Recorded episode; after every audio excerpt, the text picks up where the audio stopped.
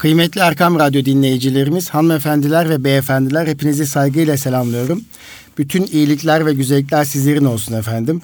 Tabii bugün çocuklarımız evde sizinle birlikte vakit geçiriyorlar. Çünkü onlar dün size karnelerini getirdiler. Bir dönemlik akıl ve alın teri olan karnelerini size getirdiler ve dün evde sevinçli anları yaşadınız efendim.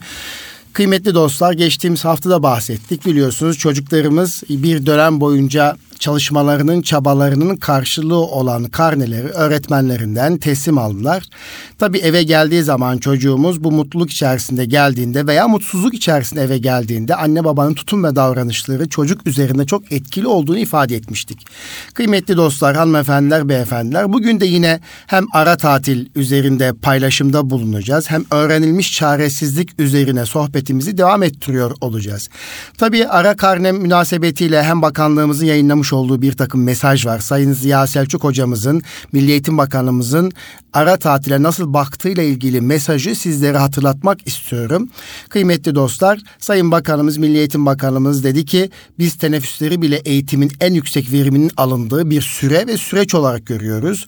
Ee, ki dolayısıyla teneffüsleri böyle gördüğümüze göre iki haftalık tatil sürecinin de eğitimde bir ara vermek olarak algılanması gerektiğini ve bu tatil süreci içerisinde çocuklarımızın mutluluğunun bozulmaması gerektiğini ifade etti ve özellikle karnenin sağ ve sol tarafındaki ilişkiye dikkat edilmesi gerektiğini Sayın Bakanımız söyledi ve dedi ki bir çocuğun başarılı ya da başarısız olduğu doğrudan doğruya karnenin sol tarafıyla ilişkilendiriliyorsa o zaman biz öğretimin peşindeyiz.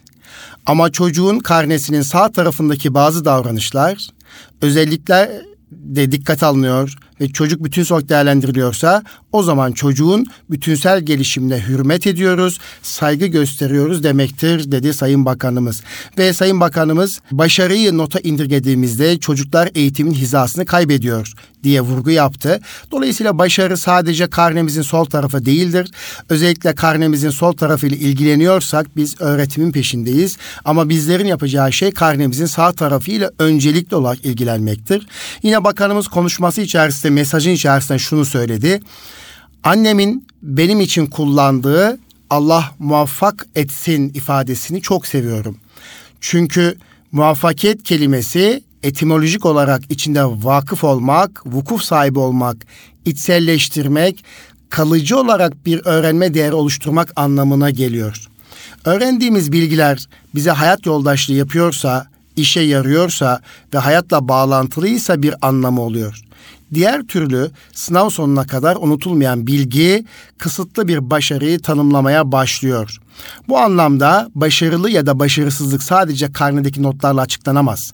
Bundan ziyade çocuğun arkadaşlık ilişkilerindeki problem çözmedeki, sosyal, duygusal alandaki başarısı, öğrenmeden haz duyup duymadığı, yeni bir şey öğrendiğinde zevk alıp almadığı gibi konularla ilgilidir. Başarı aslında bütün bunların toplamından oluşuyor. Başarı aslında bütün bunların toplamından oluşuyor.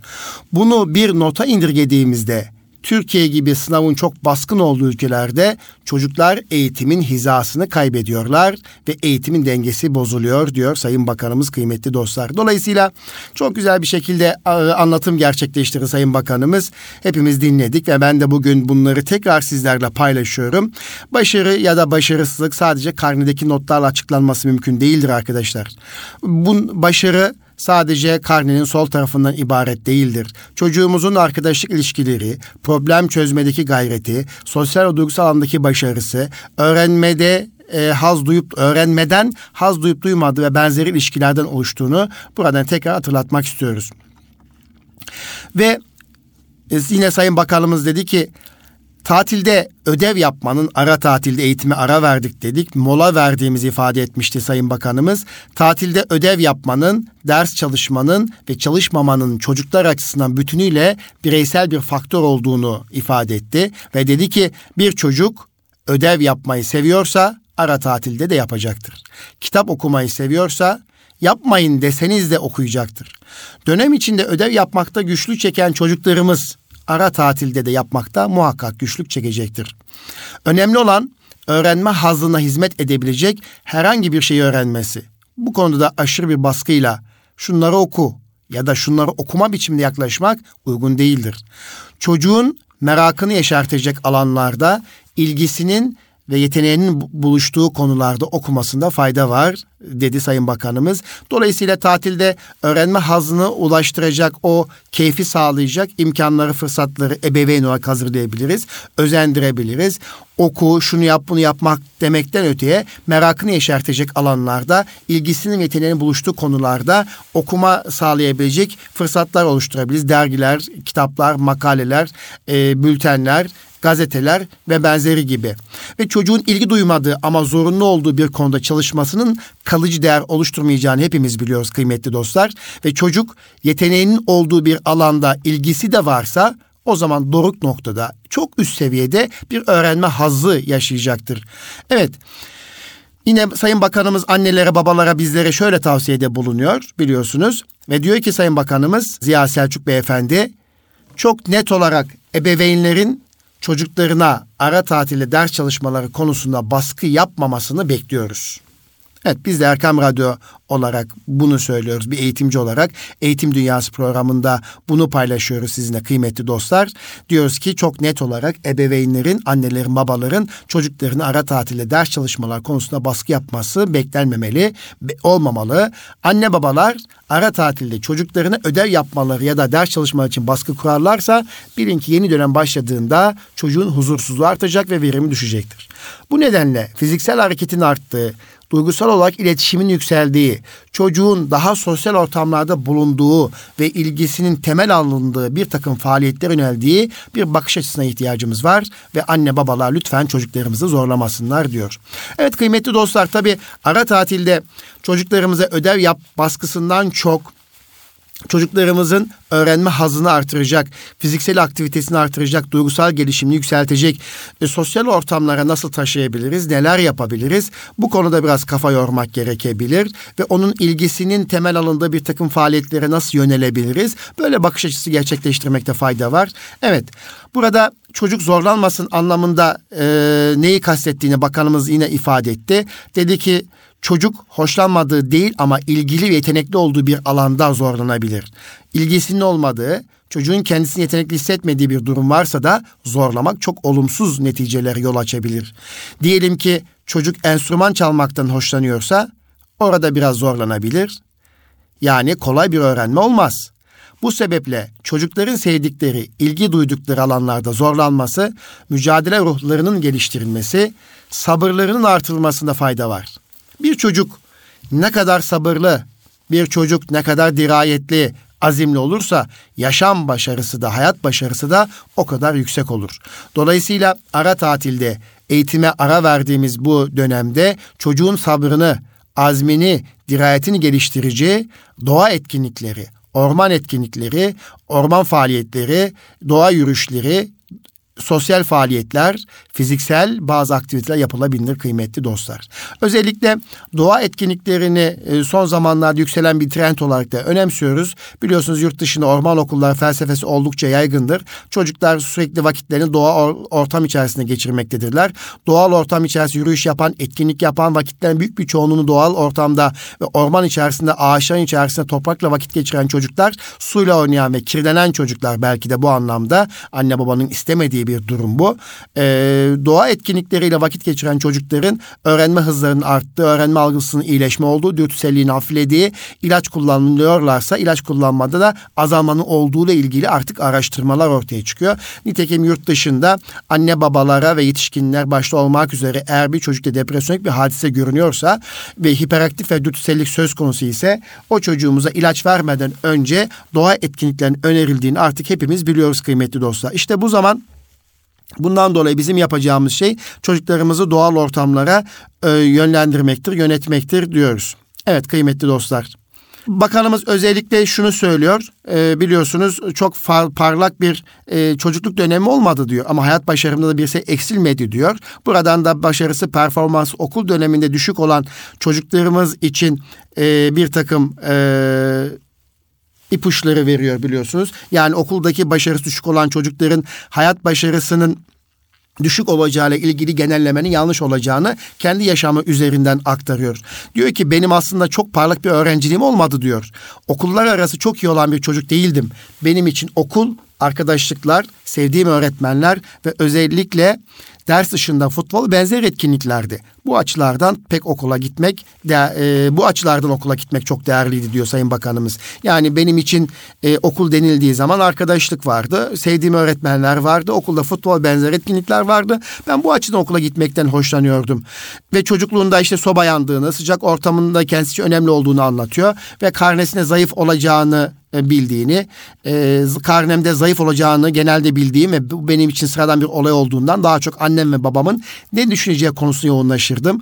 Okula gidip de karneyi aldıktan sonra dönüş yolu genellikle çok azap dolu bir yol olurdu. Beklendi çok önemliydi diyor. İşte bu anne baban tutum ve davranışlarının kendi üzerinde nasıl bir etki bıraktığını burada anlatmaya çalışıyor bakanımız. Bugün de aynı şey geçerli kıymetli dostlar. Tabii ki önceden e, karneyle alakalı e, çocuklarınızın kaygıları daha üst düzeydi de idi ama şimdi e, o noktada değil. Bunun da farkındayız. Yani şimdiki çocuklar e, karne aldıkları zaman bizim zamanımızdaki gibi böyle kaygılı bir şekilde eve gitmiyorlar. Anne babalar, geçmişteki anne babalar gibi de değiller elbette. Ama yine beden dilimizde, jest ve mimiklerimizde çocuğumuza karnesi ne olursa olsun e, ondan ders çıkartmanın, nasıl bir ders çıkartabileceğinin yollarını paylaşabiliriz.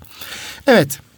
Kıymetli dostlar yine Sayın Bakanımız küçük yaştan itibaren eğitime başladığını e, ifade eden bir konuşmasıyla e, güzel bir ara tatili mesajı verdi ve çocuklarımız eğitime e, mola verdi dedi. Eğitime mola verdi, e, ara verdi. Dolayısıyla bu arada e, daha çok çocuklarımızın sosyal duygusal gelişiminin önemsenmesi gerektiği mesajını verdi. İşte bu duygu ve düşüncelerle kıymetli dostlar çocuklarımız ara tatilde ne yapmalılar? Ara tatilde anlamlı vakitler geçirmeliler. Ha bu, burada şunu ifade edeyim. E, biliyorsunuz Sayın Bakanımız e, çocuklarımıza, öğrencilere denizci göndermesi yapmıştı. Bu da basına yansıdı. E, o da şu, halatların bağlandıkları yerden fora edilmesine çözülmesine denizciler mola diyorlar. Yani hareket ondan sonra başlıyor.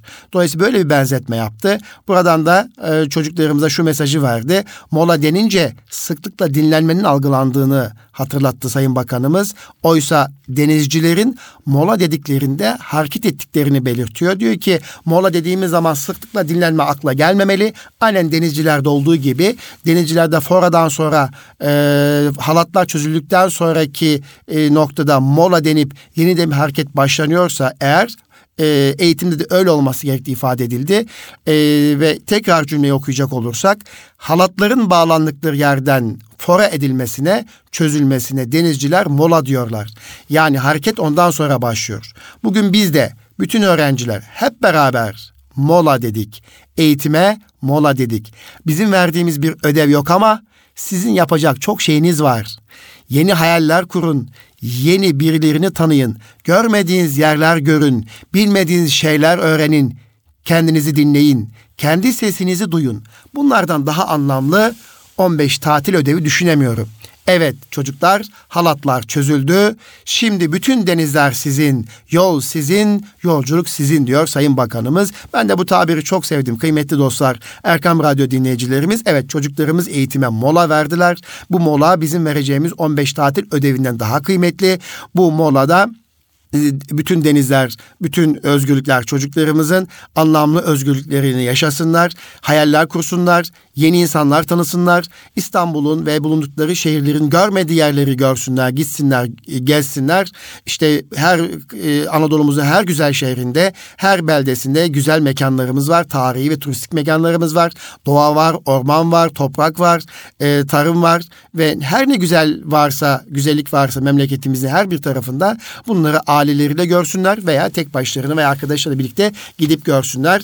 Bilmediği şeyleri keşfetsinler, araştırma yapsınlar, dergi okusunlar ve birbirlerini dinlesinler e, ve kendi seslerini duysunlar diyoruz. Biz de buna katılıyoruz kıymetli dostlar. Evet, e, kıymetli Erkam Radyo dinleyicilerimiz, hanımefendiler ve beyefendiler çocuklarımızın ara tatilinde bu mola dediğimiz e, sürecin hayırlı olmasını diliyoruz. Ve çocuklarımıza ayrıca şunu da ifade ediyorum kıymetli çocuklar. Bizi dinliyorsanız eğer bakın size bir mola verildi. Sayın Bakanımızın benzetmesini anlattım. Bir molada rutin yapmış olduğunuz işlerin dışında hani öğrencilik yaparken yaptığınız rutin işleriniz vardı ya okula gitmek, uyanmak, okula gitmek, e, ders çalışmak, kitap oku, e, ödev yapmak, proje yapmak, performans gösterisinde bulunmak gibi. Evet bunların dışında okulun dışında okul okurken yapamadığınız işlerinizi şimdi ne yapabilirsiniz? Yapabilirsiniz. Örnek ne olur? Ee, annenize babanıza yardım edin. Kahvaltı hazırlamada yardım edin. Akşam yemeği hazırlamada yardım edin. Evi temizliğinde yardım edin. Aile büyüklerinizi ziyaret edin. Yatağınızı düzeltin. Ve şehrinizin etrafındaki güzellikleri fark etmeye çalışın. Ve rutin yaptığınız işin dışında yapmakta olduğunuz ve öğrenmeyi sağlayacak diğer bütün işler sizin gelişimizi sağlayacaktır. Ben bunu tavsiye ediyorum bakanımızın bu sözlerinin ardından ve güzel bir tatil diliyorum ve inşallah 4 Eylül 4 e, Şubat 4 Şubat tarihinde de pazartesi günü tekrar sizlerle birlikte görüşmek dileğiyle e, inşallah okullar yeniden zil çalacak ve ikinci dönem eğitim başlayacak kıymetli dostlar. Efendim Biliyorsunuz öğrenilmiş çaresizliği biz eğitimde çok sık duyarız. Geçtiğimiz hafta da e, fil üzerinde bir muhabbet etmiştik. E, fil nedir dedik. Öğrenilmişlik çaresizlik içerisinde e, filin e, nasıl hareketsiz kaldığını, e, kıra, kırabileceği küçük bir zinciri bile niye kırmadığını e, geçen hafta sizlerle paylaşmıştık. Yine e, bir balık hikayesi anlatmıştık. Balıkların e, aç kalan pirananın bir akvaryum içerisinde önüne set konulduğunu düşünerek kıpırdamadığını e, ve e, açlıktan öldüğünü ifade etmiştik. Buna psikolojide öğrenilmiş çaresizlik adını vermiştik hatırlayacaksınız. Ve öğrenilmiş çaresizlik deyince işte doğduğumuz andan itibaren çevremizi etkilemeye başladığımız gibi çevreden de önemli ölçüde etkileniriz. Yaptıklarımız ya da yapamadıklarımız, başarılarımız ya da başaramadıklarımız karşısında aileden, yakın çevreden, okulda, öğretmen arkadaşlarımızdan, toplumdan aldığımız tepkiler ve duyduğumuz sözler davranışlarımızı şekillendirir. Aldığımız bu geri bildirimler ve tepkiler bazen bizi motive edebileceği gibi, cesaretlendirebileceği ve enerji verebileceği gibi bazen de kendimize olan güvenimizi kırar, hayata karşı umudumuzu, inancımızı sarsabilir. İşte hayata karşı umudumuzun sarsıldığı, kendimize güvenimizin kırıldığı bu duruma biz öğrenilmiş çaresizlik diyoruz. İnsan çaresizliği öğrenebileceği gibi de kıymetli dostlar güçlüyü de öğrenebilir dedik ve bunun üzerine güçsüz fil zıplamayan pireler ve aç kalan pirana üzerine e, üç tane paylaşımda bulunmuştuk kıymetli dostlar. Evet bunu çok sık eğitimde yaşıyoruz öğrenilmiş çaresizliği, görebiliyoruz. E, şimdi de ara tatilde bu anlamlı, önemli. Eğer çocuğumuzun karneleri e, istediğimiz notlar değilse hemen yapamıyorsun, edemiyorsun gibi kullandığımız sözler, tutum ve davranışlar çocuğumuz üzerinde yapamayacağım, edemeyeceğim, başaramayacağım, okuyamayacağım e, etkisi oluşturur. Bu da onun e, geriye gitmesini sağlar, okul algısını bozar ve kendisinde bir öğrenilmiş çaresizlik oluşur. Evet. Ee, hemen başka bir e, paylaşımda bulunayım bu öğrenilmiş çaresizlik üzerine. Biliyorsunuz sardalya balıklarının peşine düşen 300 balık çıkamayacakları küçük bir ko- e, koya girerek orada sıkışırlar ve birer birer ölürler. Böylece küçük balıklar denizin devlerini ölüme sürüklemiş olurlar. Yani sardalya balıkların peşine düşen 300 balina küçük bir koya giriyor ve orada sıkışıp kalıyorlar. Balinalar büyük güçlerini önemsiz hedefler uğrunda harcayıp küçük sardalya balıklarını izleyerek vahşi sonlarına teslim olabilirler. İşte aslında hepimizin ulaşmak istedikleri hedefleri ve bu hedeflerin de bir önem sırası vardır. Akıllı insanlar hedeflerini bir sıraya koyar ve bunların önceliklerini iyi bilirler. Ancak bu sıralamayı yapamayan kişiler çok önemsiz bir hedef uğruna büyük risklere girebilirler. Hayatta başarılı olanlar neyin daha önemli neyin daha önemsiz olduğunu bilenlerdir. Evet kıymetli dostlar, e, hanımefendiler, beyefendiler, bizi dinleyen çocuklarımız, gençlerimiz, bizim hepimizin ulaşmak istediği hedefler var. Bu hedeflerinde muhakkak önem sırası var. Bizler akıllı insanlar bu hedeflerini bu sıraya koyarız ve önceliklerini biliriz. Ona göre bir planlama yaparız. Bu sıralama yapamayan kişiler işte çok önemsiz bir hedef uğruna büyük risklere girebilirler. Nasıl ki e, bal, balina balıkları küçük sardalya balıkların peşine düşüp e, onların tuzağıyla düşüp e, bir koya girip orada sıkışıp kalıyorlarsa e, aslında nasıl küçük balıkların peşinde e, koşarken kendileri tuzağa düşüp orada açlıktan ölüyorlarsa sıkışıp kalıp ölüyorlarsa e, buna e, buradan yola çıkarak da hayatta büyük hedeflerimizi öne almamız lazım. Bazen büyük hedeflerimizi gerçekleştirebilmek için diğer küçük yapmamız gereken işleri de bırakabiliriz. Yani önem sırası her zaman önemlidir kıymetli dostlar. Yapmamız gereken çocuklarımızı daha küçük yaştan yetenekleri doğrultusunda yetiştirmek ve ihtiyaçları olan özgüveni onlara her zaman kazandırmaktır. Yine fizikçiler arılar hakkında bir deney yapmaya karar verirler. Yaban arılarını incelediklerinde yaban arısının vücudunun büyüklüğü ile kanatları arasında ölçümlerle aerodinamik kanunlarına göre uçmaları imkansızdır. Yaban arılarına incelediklerinde, yaban arılarını incelediklerinde yaban arısının vücudunun büyüklüğü ile kanatları arasındaki ölçümlerle aerodinamik kanunlarına göre iş uçmaları imkansızdır. Bu sorunun cevabını araştırmaya kalkan fizikçiler uzun çalışmalar sonucunda bir cevap bulamazlar. İşlerinden bir genç fizikçi yapılan toplantıda kürsüye çıkar ve şöyle der. Yaban arıları aerodinamiğin kanunlarını bilmedikleri için uçabiliyorlar. Bu cevap üzerinde genç fizikçi dakikalarca alkışlanır. Bir yaşında kendi dengesini koruyup desteksiz yürüyebilen, iki yaşında konuşmaya başlayan bir çocuk ne oluyor da okula başladığında yeteneklerin çoğunu kullanamaz hale geliyor? Ne dersiniz? Bir yaşında kendi dengesini koruyup desteksiz yürüyebilen, iki yaşında konuşmaya başlayan bir çocuk ne oluyor da okula başladığında yeteneğinin çoğunu kullanamaz hale geliyor? Aileden ve çevreden aldığı telkinler ona yapabileceklerinden çok yapamayacaklarını öğretiyor. Böylece doğal haline bırakıldığında her türlü hedefine ulaşabilecek bir çocuk bu yeteneklerinin farkına bile varamıyor. O zaman yapmamız gereken çocuklarımızı daha küçük yaştan itibaren yetenekleri doğrultusunda yetiştirmek ve ihtiyaçlı olan özgüveni onlara kazandırmaktır. Yine yapmamız gereken herhangi bir konuda bize rehberlik edecek kişiyi seçerken yine çok dikkatli etmek. Çocuklarımızın e, rehberliğinde çocuklarımıza rehberlik edecek aile büyükleri içerisinde olabilir, okulda olabilir. O kişileri çok dikkatli seçmemiz gerekiyor. Yeterli bilgi ve beceriye sahip olmadığını anladığımızda onu takip etmekten vazgeçirmemiz gerekiyor. Bu sosyal medya olabilir, işte aile içerisinden olabilir ve çocuklarımızın bu e, takip ettiği, rol model aldığı şahıslar çocuklarımıza doğru rehberlik yapamıyorlarsa, özgüvenlerini kırıcı davranışlarda bulunuyorlarsa, isterseniz çocuklarımız belli bir zaman sonra yapamıyorum, edemiyorum, başaramıyorum e, kompleksine düşmeye başlarlar.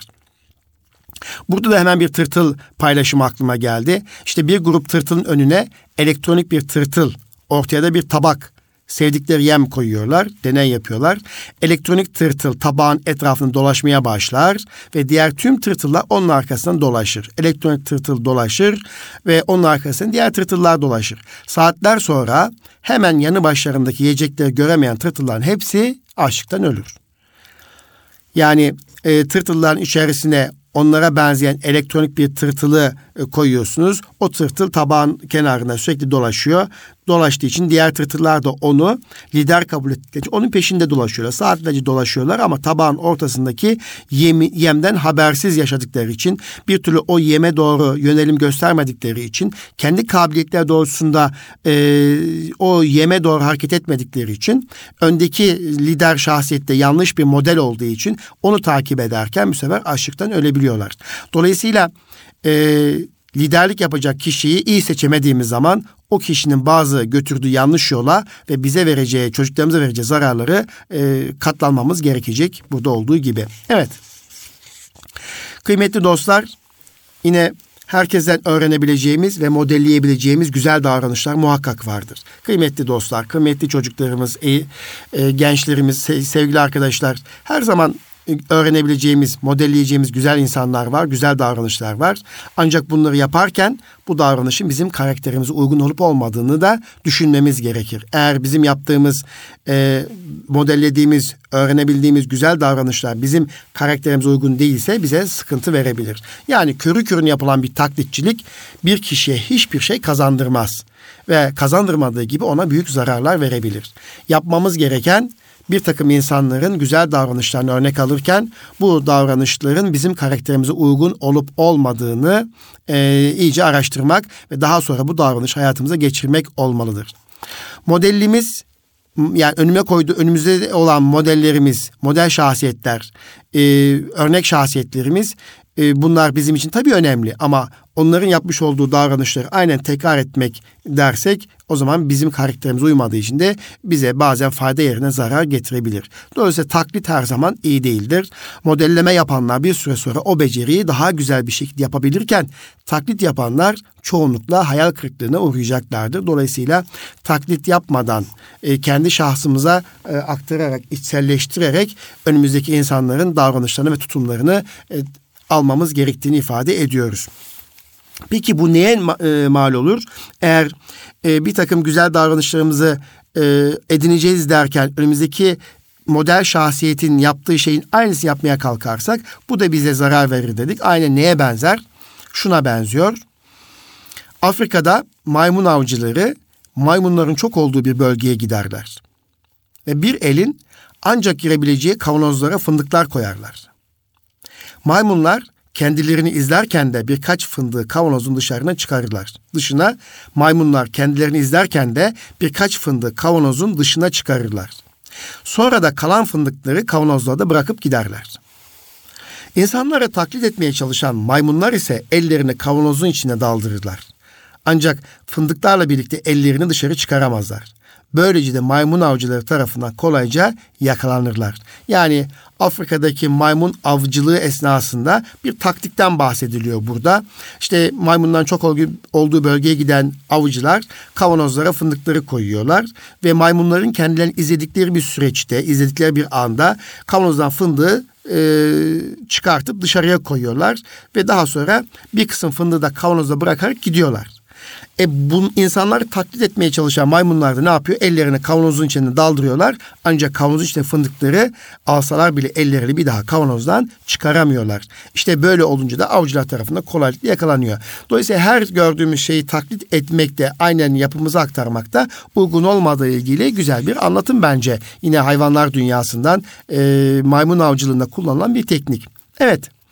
Yine bir topluluktaki insanlar bazı davranışları hiç sorgulamadan ve eskiden olduğu gibi hiç değiştirmeden yapıyorlarsa o toplulukta bir sürü psikoloji meydana gelir. Bir sürü psikolojisi meydana gelir ve hiçbir gelişme olmaz. Yani bir topluluktaki insanlar bazı davranışlarını, bazı davranışları hiç sorgulamadan ve eskiden olduğu gibi hiç değiştirmeden yapıyorlarsa o zaman o toplulukta bir sürü psikolojisi meydana gelir ve o toplulukta hiçbir gelişme olmaz. İnsanların ve içinde bulundukları toplulukların ilerlemesi sorgulayan ve yeniliklere açık insanlar sayesinde olur. Yapmamız gereken tek başına kalsak da herkesin yaptığını değil, doğru olduğuna inandığımız düşüncelerin ardından gitmelidir.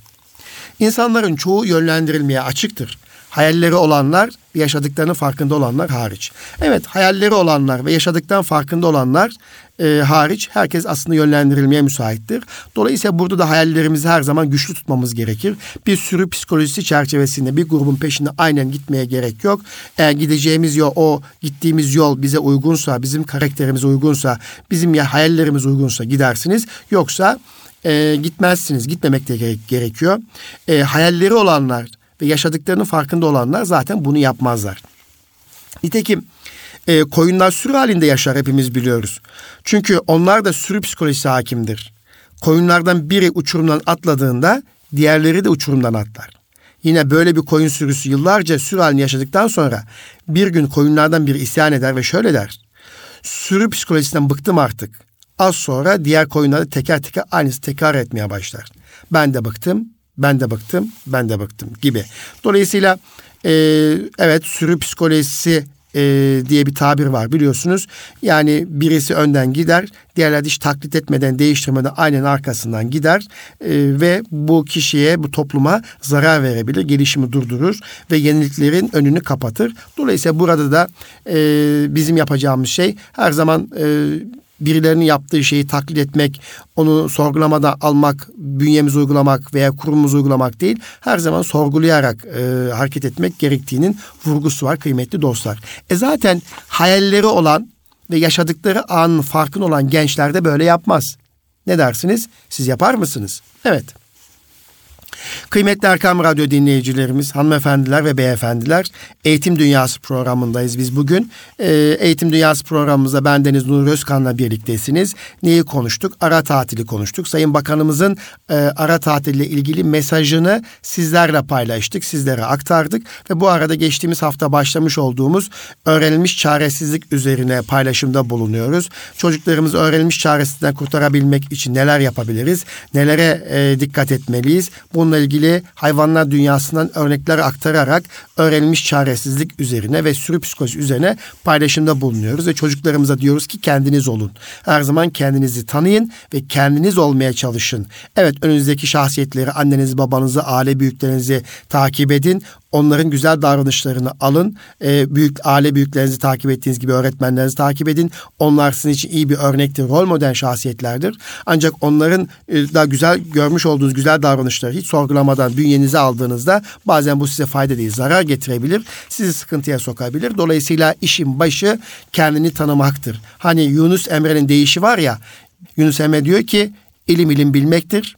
İlim kendini bilmektir. Sen kendini bilmezsen ya nice okumaktır diyor değil mi? İşte o zaman kendini tanımak için yola çıkmamız gerekiyor. Yolculuğumuz böyle olmalı. Bence ara tatilde de kendi ilgini, yeteneğini fark ettirecek etkinlikler yapabilirsin. Ben kimim diye sorabilirsin. Neleri yapmaktan hoşlanıyorum.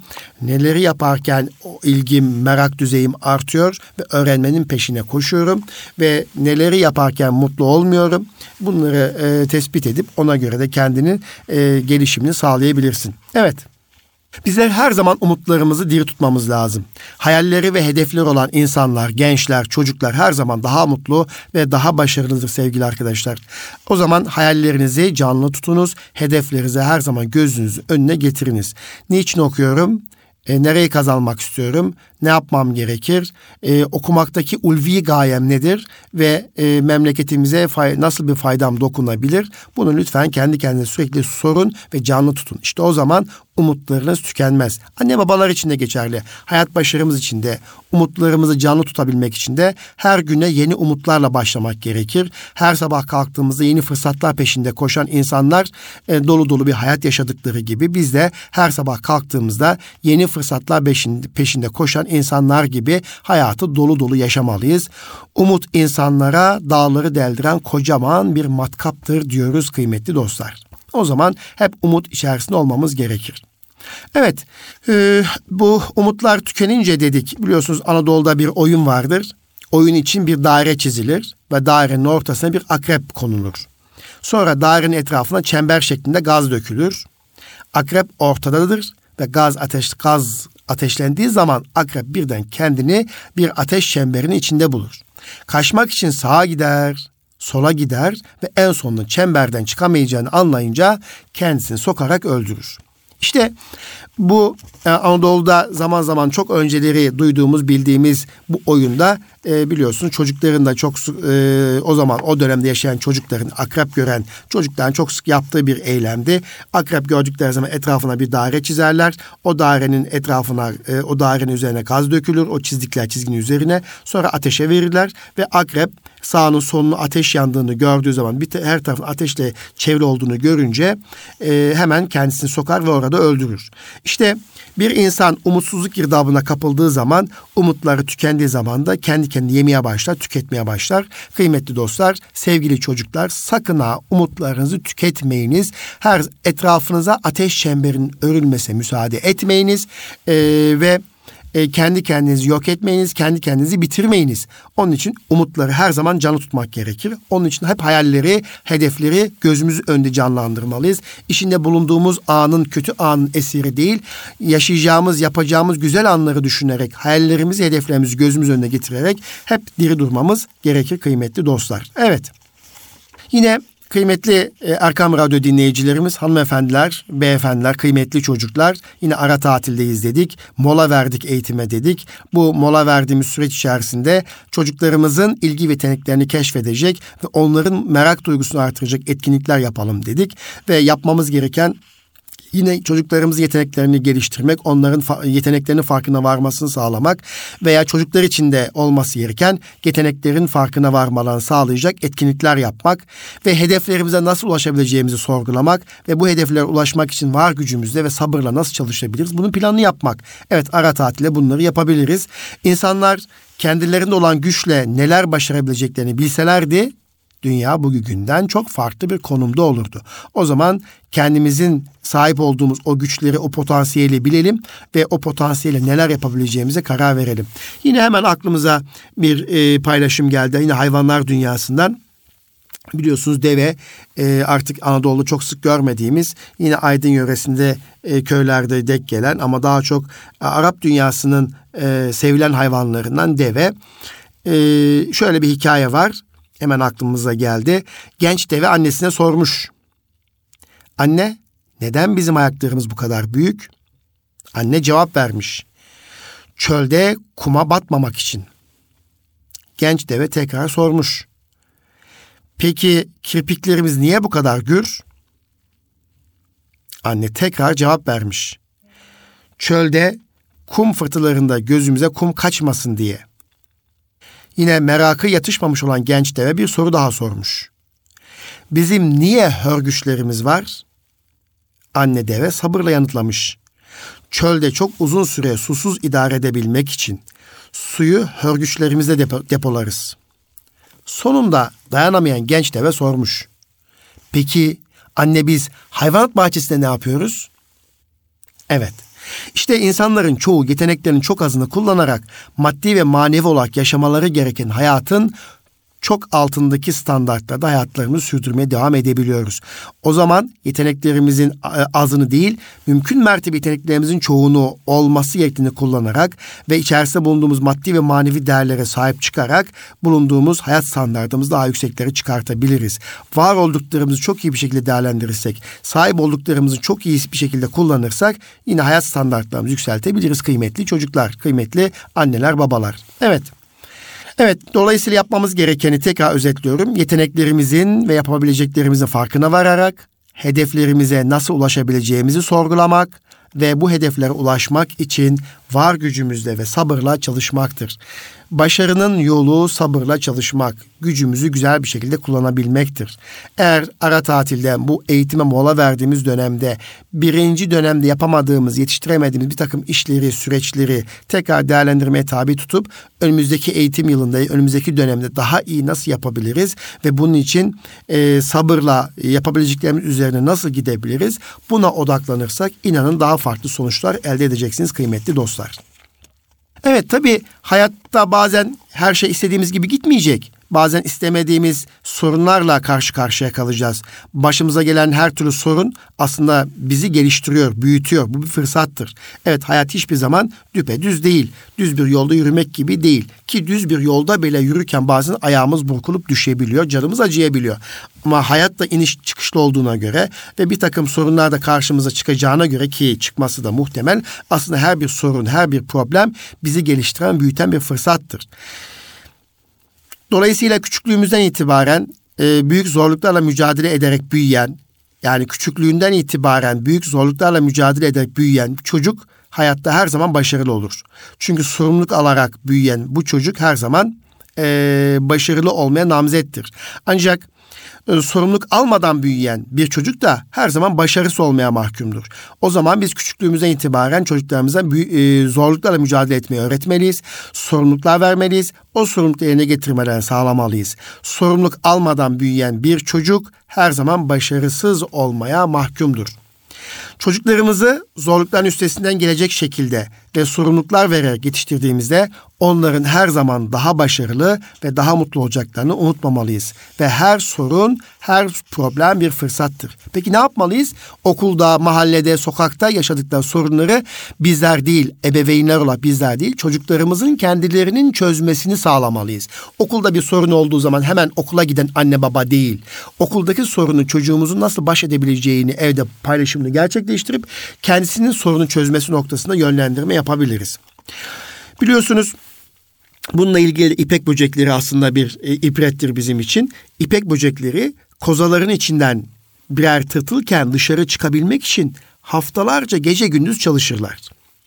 Minik tırtıllar için demirden daha sert olan kozalaklarını delmek çok zordur. Nitekim biz tekten eğitim kurumları olarak geçtiğimiz eğitim yılında Mayıs ayında e, arkadaşım İpek Böceği etkinliği yaptık ve çocuklarımız küçük yumurtalardan tırtılı e, hikayesini ve o döngüyü gördüler. Kozalak haline geldiğini gördüler ve kozalağın içerisinden belli bir bekleme süresinden sonra nasıl çıktıklarını gördüler. O sert kozalağın içerisinden e, sıkıştırdığımızda kıramadığımız e, sadece esnetebildiğimiz, kesemediğimiz o sert kozalağın içerisinden tırtılları nasıl çıkıp kelebek olduklarını hepimiz gördük, şahit olduk. Çok güzel bir etkinlikti. Arkadaşım İpek Böceği etkinliği. Biz geçen sene tekten eğitim kurumları bu etkinliği yapmıştı. İnşallah bu yılda yapacağız. İşte orada da Çocuklarımız o döngüyü gördüler. O küçücük e, mikroskop altında veya mercek altında gördüğümüz o küçük yumurtalardan tırtılları nasıl çıktığını, nasıl e, e, dut yaprağını yediklerini, kıtır kıtır yediklerini nasıl büyüdüğünü adım adım gördük. Yaklaşık iki, iki buçuk ay süren bu etkinlikte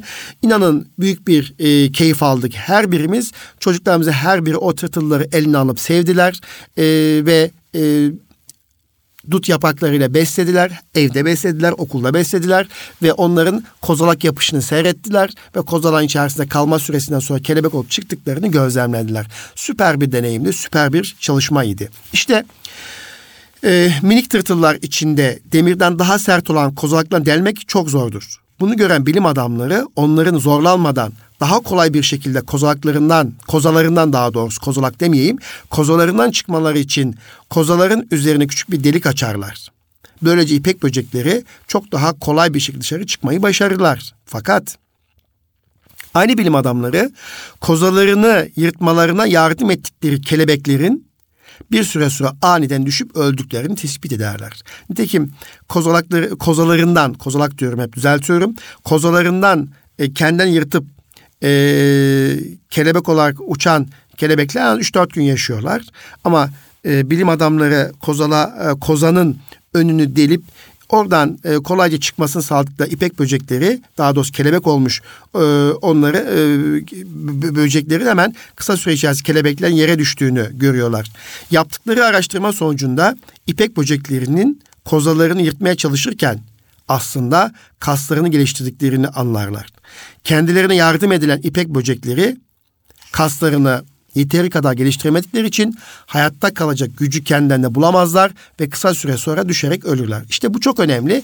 Bu ipek böcek e, üzerinden yola çıkacak olursak ki sizler de bunu evde yapabilirsiniz. Mayıs ayı geldiği zaman arkadaşım ipek böceği e, sitesi inceleyebilir. Oradan yumurta temin edebilirsiniz. Okullarımız, eğitimcilerimiz bunu yapabilir. İşte orada o kozanın içerisinde bekleyen e, tırtılın e, kozanın dışına e, kendi imkanlarıyla çıkıp kelebek olması e, için biraz süreye ihtiyaç var. Ama biz kozanın önünü delip kelebeğin içindeki yavrunun e, tırtılın kelebek olarak kolay bir şey çıkmasını sağlayabilir mi? Sağlarız. Ama e, hayal, kozanın içerisinden çıkan o kelebek kısa bir süre sonra düşüp ölüyor. Ama öbür türlü en az 3-4 gün yaşayabiliyor ve çiftleşebiliyor. Onu da gördük, gözlemledik. Dolayısıyla biz çocuklarımızın e, hayat başarısının yüksek olabilmesi için mücadele ruhunu geliştirmemiz gerekiyor. Her problemi, her sorunu bizim kendimizin çözmüş olması çocuklarımızın başarılı olmasını sağlamaz. Onun için yapacağımız tek şey e, şu dönemde ara karneni yaşadığımız bu dönemde karne notlarını hemen e, olumsuz bir şekilde değerlendirmek değil ikinci döneme neleri yaparsa, neleri farklı yaparsan yavrum daha iyi bir performans elde edebilirsin. Okulda bu dönem yaşadığın sorunları daha önümüzdeki dönem yaşamaman için neler yapabilirsin? Bu konu hiç düşündün mü? Bununla ilgili plan yapmasını sağlayabiliriz. Hedef çıkart, çıkartmasını sağlayabiliriz.